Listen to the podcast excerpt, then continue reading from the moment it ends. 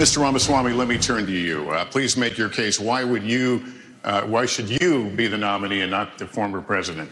I think there's something deeper going on in the Republican Party here, and I am upset about what happened last night.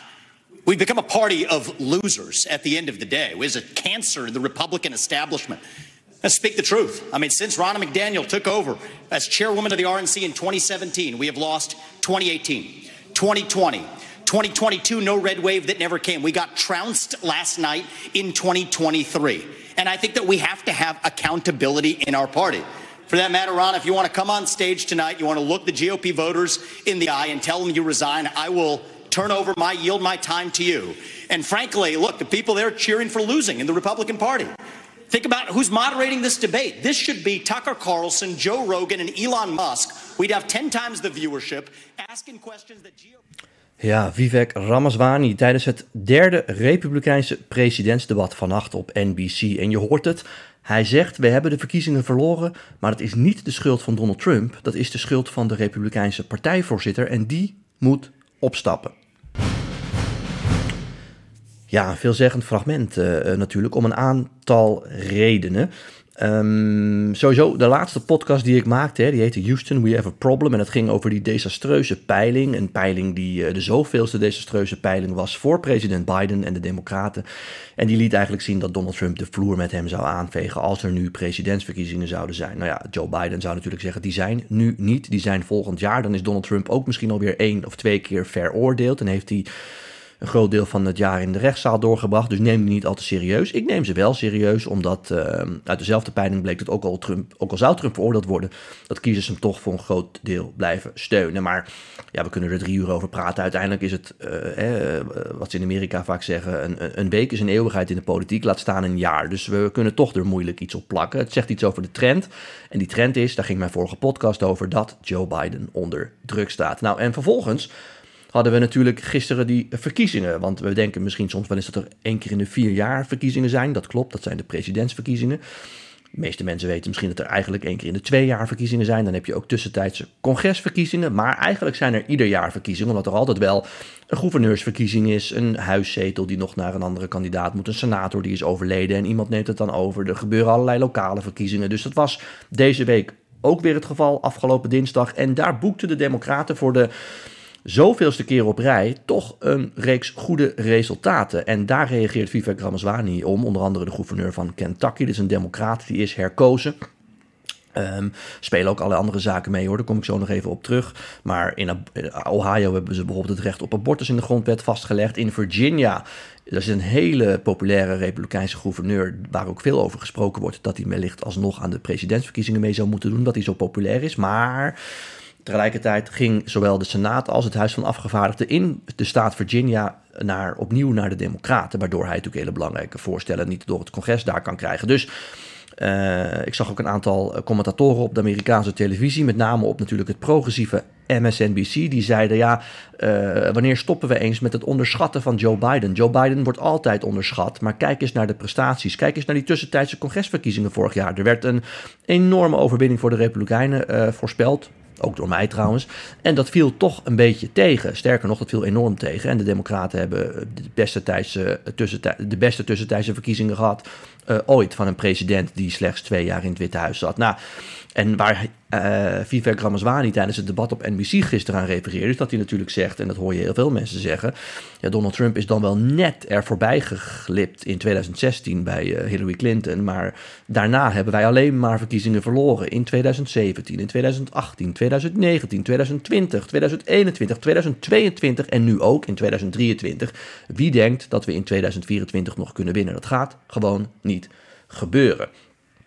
Dat is wat anders, dat wil ik maar even uh, benadrukken, dan dat ze dus met z'n allen in koor zouden zeggen: we moeten afstand nemen van het Trumpisme. Want dat doet ook hij niet. En je hoorde ook in het fragment net: hij geeft daar niet Donald Trump de schuld van. Hij geeft daar een onbenullige partijvoorzitter, die eigenlijk helemaal niet zoveel macht heeft, de schuld van. En hij zegt: we moeten juist dubbel en dwars door met het Trumpisme. Dus uh, ik denk dat de komende week, en het gebeurde ook vannacht in het debat op MSNBC, de discussie in de Republikeinse Partij nog wel plaats gaat vinden, kunnen we wel door met Trump als kandidaat. ik denk niet dat dat veel invloed zal hebben op de meeste Republikeinse kiezers, want je ziet peiling na peiling dat ze hem blijven steunen. Maar die discussie gaat wel gevoerd worden. Maar wie denkt dat we na deze toch slecht verlopen verkiezingen voor de Republikeinen, er waren een paar lichtpuntjes, maar niet veel dat de Republikeinen dan afstand nemen van Trump. Dat is niet zo. En ook zeker niet van het Trumpisme, is mijn inschatting. Je hoort trouwens daarna Vivek Ramaswamy, ik heb het geluidsfragmentje even afgekapt, maar doorgaan over het feit dat ze überhaupt een debat organiseerde, de Republikeinse Partij, op NBC. Dat is toch die linkse mainstream media zender. Waarom hebben we geen debat georganiseerd op Fox News? Nou, het antwoord daarop is, dat hebben ze twee keer gehad. Het was nu tijd voor een andere zender.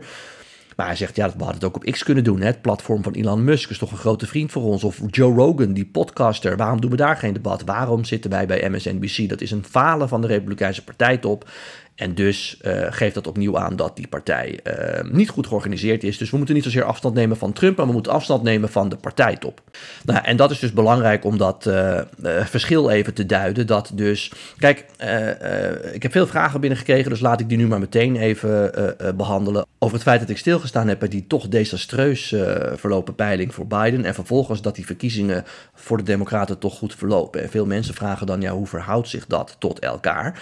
Um, ja, dan moeten we denk ik een aantal dingen mee in ogenschouw nemen. Ik noemde eerst even Kentucky. Neem Kentucky, hele conservatieve staat. Hè. Mitch McConnell komt daar vandaan. Die wordt uh, jaar in jaar uit herkozen. Althans, om de zoveel jaar. En daar is een democratische gouverneur opnieuw gekozen. Nou, dan kun je zeggen, die, uh, uh, de Republikeinen presteren daar slecht. Dat zou ik ook zeggen, omdat die Republikeinse kandidaat daar zeker had kunnen winnen. Tegelijkertijd moet je ja, in ogenschouw nemen dat die gouverneur die daar herkozen is, die democraat, die stamt van een belangrijke politieke familie af. Zijn vader is ook ooit in uh, Kentucky gouverneur geweest. Het is een conservatievere democraat dan de meeste democraten op landelijk niveau. En vervolgens speelt ook nog mee dat ja, kiezers in een staat die heel conservatief is, zoals Kentucky, waar zowel het huis als de senaat in handen zijn van de Republikeinen, ja, het ook wel prettig vinden om daar een conservatieve democraat tegenover te zetten. Dan heb je toch een beetje evenwicht. Dat is wat anders dan stemmen op een landelijk politicus die naar Washington moet gaan, waar ze überhaupt niks van moeten hebben. Ik bedoel, des te minder gedoe er uit Washington komt, des te beter. Des te minder wetsvoorstellen er uit Washington komen, des te beter. Ja, en daar stuur je dan natuurlijk een Republikein à la Trump uh, naartoe. Dus die lokale verschillen. Hè? Uh, verschillen hoe iemand nationaal en lokaal stemt. Ja, dat speelt mee. De specifieke kandidaat uh, die de Democraten, dan wel Republikeinen, naar voren schuiven. Ja, dat speelt ook mee. Um, ja, en vervolgens speelt ook wel mee dat bijvoorbeeld het item abortus, maar ook gewoon het feit dat er heel veel kandidaten meedoen die nog steeds niet uh, willen zeggen dat die verkiezingen van 2020 eerlijk zijn verlopen of niet. Ja, dat die natuurlijk wat extra bagage met zich meedragen. En vervolgens zijn er allerlei democraten waar men op uh, kan stemmen die, uh, die een goed alternatief zijn. En de vraag bij Joe Biden, daar wil ik naartoe, is gewoon nog of hij nog steeds het goede alternatief is. Dus de verkiezingen van 2020, als we die ingaan, spelen dan dezelfde issues, hè, abortus en uh, uh, heeft de Republikeinse kandidaat dan flink wat bagage? Ja. Dan is de enige vraag die je moet stellen is, is Joe Biden dan nog een juist alternatief? En ik denk dat de peilingen laten zien dat dat steeds minder het geval is.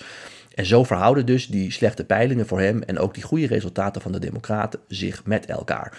Kan het dan zo zijn dat jullie mij precies over een jaar spreken en dan zitten we ook weer twee dagen na de presidentsverkiezingen en dan ja, dan leg ik vervolgens uit dat Joe Biden weer ruim uh, schoots heeft gewonnen. Ja, dat zou in theorie natuurlijk kunnen. Al is het maar omdat die Amerikaanse presidentsverkiezingen altijd super spannend zijn. Dus het gaat altijd om een paar duizend stemmen in een paar staten. Dus uh, wat dat betreft is het net als een muntje opgooien. Hè. Het blijft lastig te voorspellen. Dat vind ik er trouwens ook ontzettend boeiend aan. Um, maar ik denk nog steeds dat Trump een goede kans heeft om te winnen. Omdat de zorgen, hè, eh, neem die peiling die ik recent aanhaalde. Uh, 60% van de Amerikanen maakt zich zorgen om Trump en al die juridische beslommeringen. Maar 70% van de Amerikanen maakt zich zorgen over uh, de mentale gesteldheid van Joe Biden. Komt nog bij de peiling die ik afgelopen week aanhaalde. Dat uh, mensen denken dat ze met hun portemonnee beter af zijn bij Trump. En dat ook de internationale stabiliteit beter in handen is bij Trump. Kan het dan zijn, dat vragen ook veel mensen, dat die peilingen niet kloppen? Dat kan, maar ik ga ervan uit dat ze een trend weergeven. Dus ik denk dat die twee dingen, Biden serieus in de problemen, maar op lokaal niveau de Republikeinen die toch tegenvallen, dat die zich met elkaar kunnen verhouden. Maar goed, zoals Fortuyn zou zeggen, de proof of the pudding is in the eating. Goed, tot zover. Dank weer uh, voor jullie vragen. Die hebben jullie massaal ingestuurd via onder andere Twitter en Instagram. Ja, veel vragen gingen ook over die peilingen, of die wel correct zijn of niet. Daarom heb ik die net al even behandeld. Ja, veel vragen. Ik voeg ze maar even samen, want heel veel mensen hebben ernaar gevraagd over de campagne van RFK Jr. Hoe gaat dat nu met hem? Nou, best goed moet ik zeggen. Uh, ik zag hem van de week nog in een interview bij PBS, Amerikaanse publieke zender. Daar had hij ook een erg sterk optreden. Hij zei in feite, uh, mensen geloven de mainstream media niet meer en daarom geloven ze in mijn campagne. Nou ja, wat je er ook van vindt, ik denk dat dat in Amerika zeker het geval is, dat heel veel mensen de mainstream media niet meer geloven. En in de peilingen uh, zie je ook dat hij goed scoort. De laatste peiling die ik zag stond hij tussen de 15 en 20 procent.